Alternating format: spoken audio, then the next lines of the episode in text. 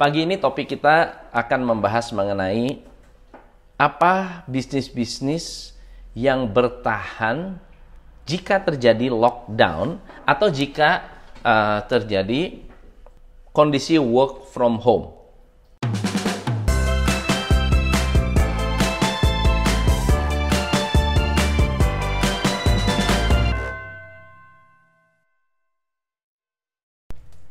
Halo, good morning teman-teman. Selamat pagi, selamat datang di live uh, hari ini.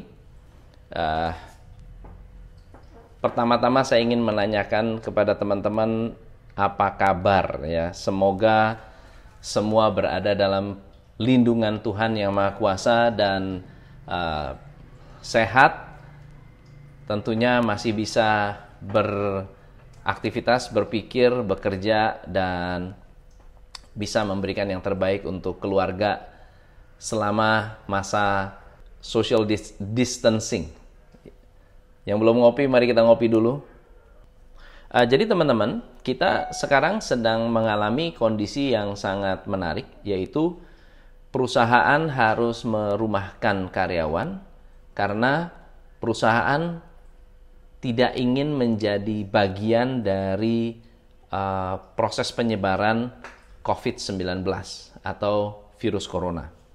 Dan perusahaan-perusahaan ini harus mengambil langkah-langkah yang cukup drastis, yaitu merumahkan karyawan tetapi tetap bekerja di rumah.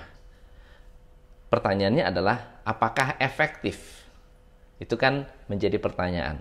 Tapi yang kedua adalah, bagaimana dengan bisnis-bisnis yang saat ini bertumbuh Nah, pertanyaannya adalah jika sampai terjadi uh, proses ini berkepanjangan, semua orang ada di dalam rumah berkepanjangan, kira-kira bisnis apa yang akan bertahan jika terjadi lockdown atau bahkan jika terjadi um, work from home yang berkepanjangan?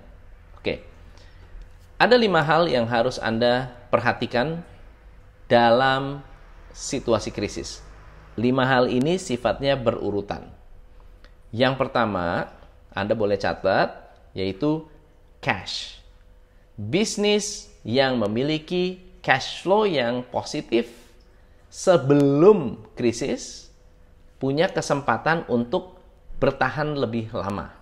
Ini yang pertama. Yang kedua adalah market.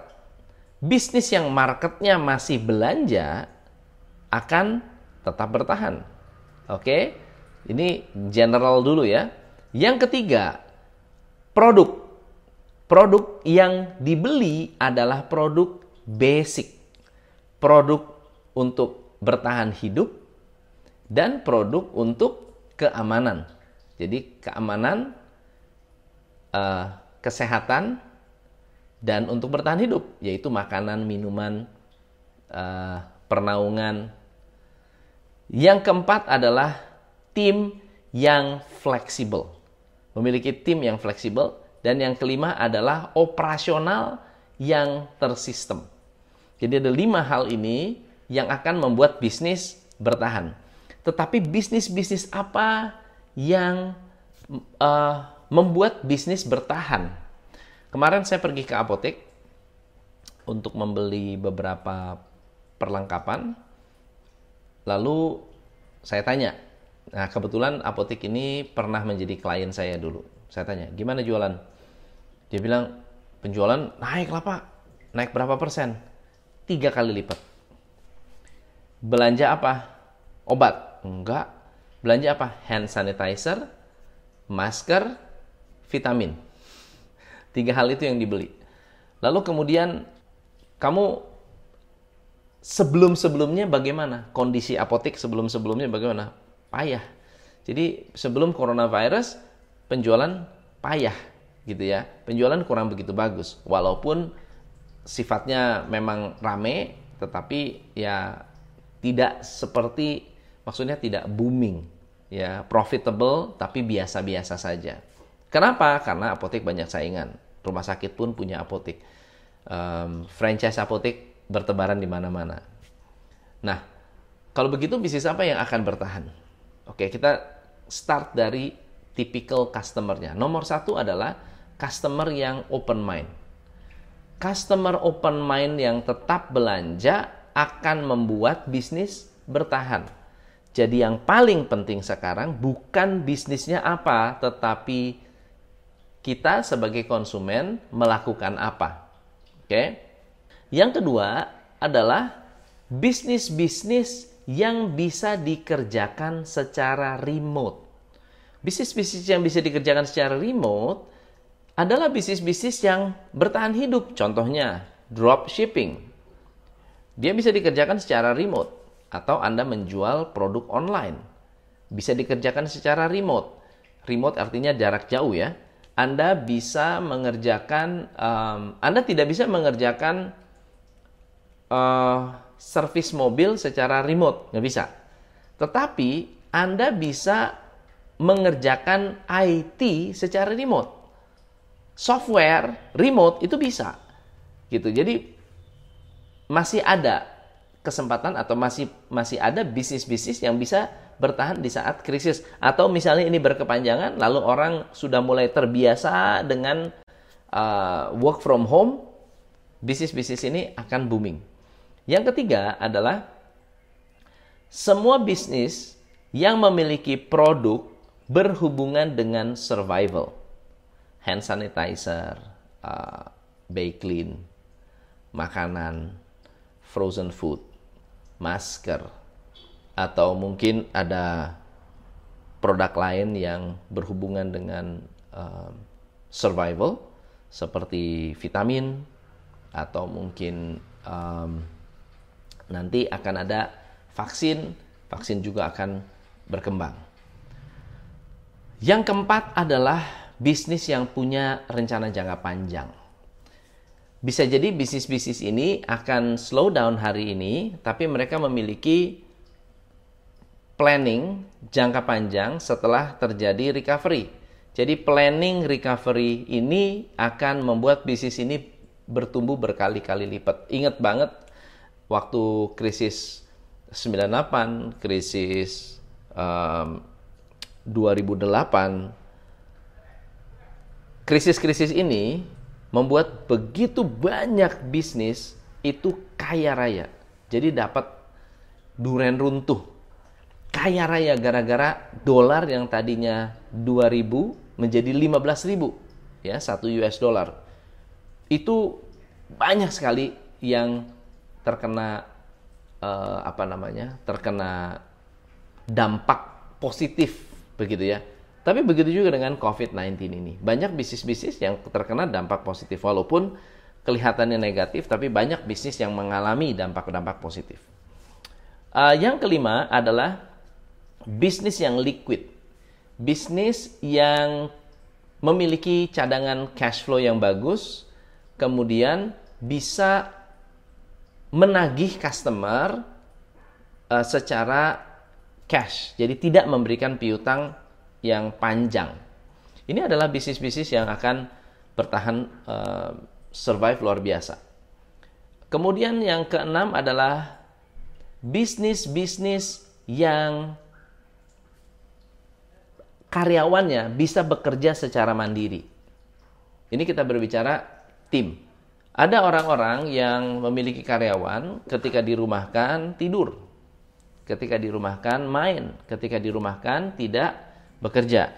Nah, bisnis-bisnis yang karyawannya fight melakukan terobosan untuk melakukan perubahan-perubahan di uh, cara kerjanya walaupun mereka diam di rumah akan membuat bisnis mereka atau atasan mereka happy sekali dan akan bertahan luar biasa. Uh, yang ketujuh adalah bisnis yang memiliki flexible pricing ketika kondisi krisis ini sedang berjalan, pricing sistem Anda harus agak sedikit lebih fleksibel. Bisa jadi Anda menemukan marketnya tapi nggak mampu bayar. Berarti Anda harus pikirin gimana caranya supaya menciptakan flexible pricing. Untuk bisa menciptakan flexible pricing, Anda harus bekerja sama dengan supplier. Minta supplier untuk menurunkan harga, lalu kemudian Anda bisa ikut menurunkan harga dan membuat produk Anda affordable. Dan yang kedelapan adalah bisnis yang memiliki leader yang positif. Teman-teman, tidak ada obat untuk krisis jika leadernya negatif. Jika leadernya tidak mampu membawa pikiran-pikiran, energi-energi, dan juga ide-ide positif untuk membuat karyawannya stabil, untuk membuat karyawannya semangat. Karena banyak bisnis yang ya mengalami problem hari ini. Tetapi ketika kita memilih untuk slow down, maka market Anda akan diambil oleh kompetitor.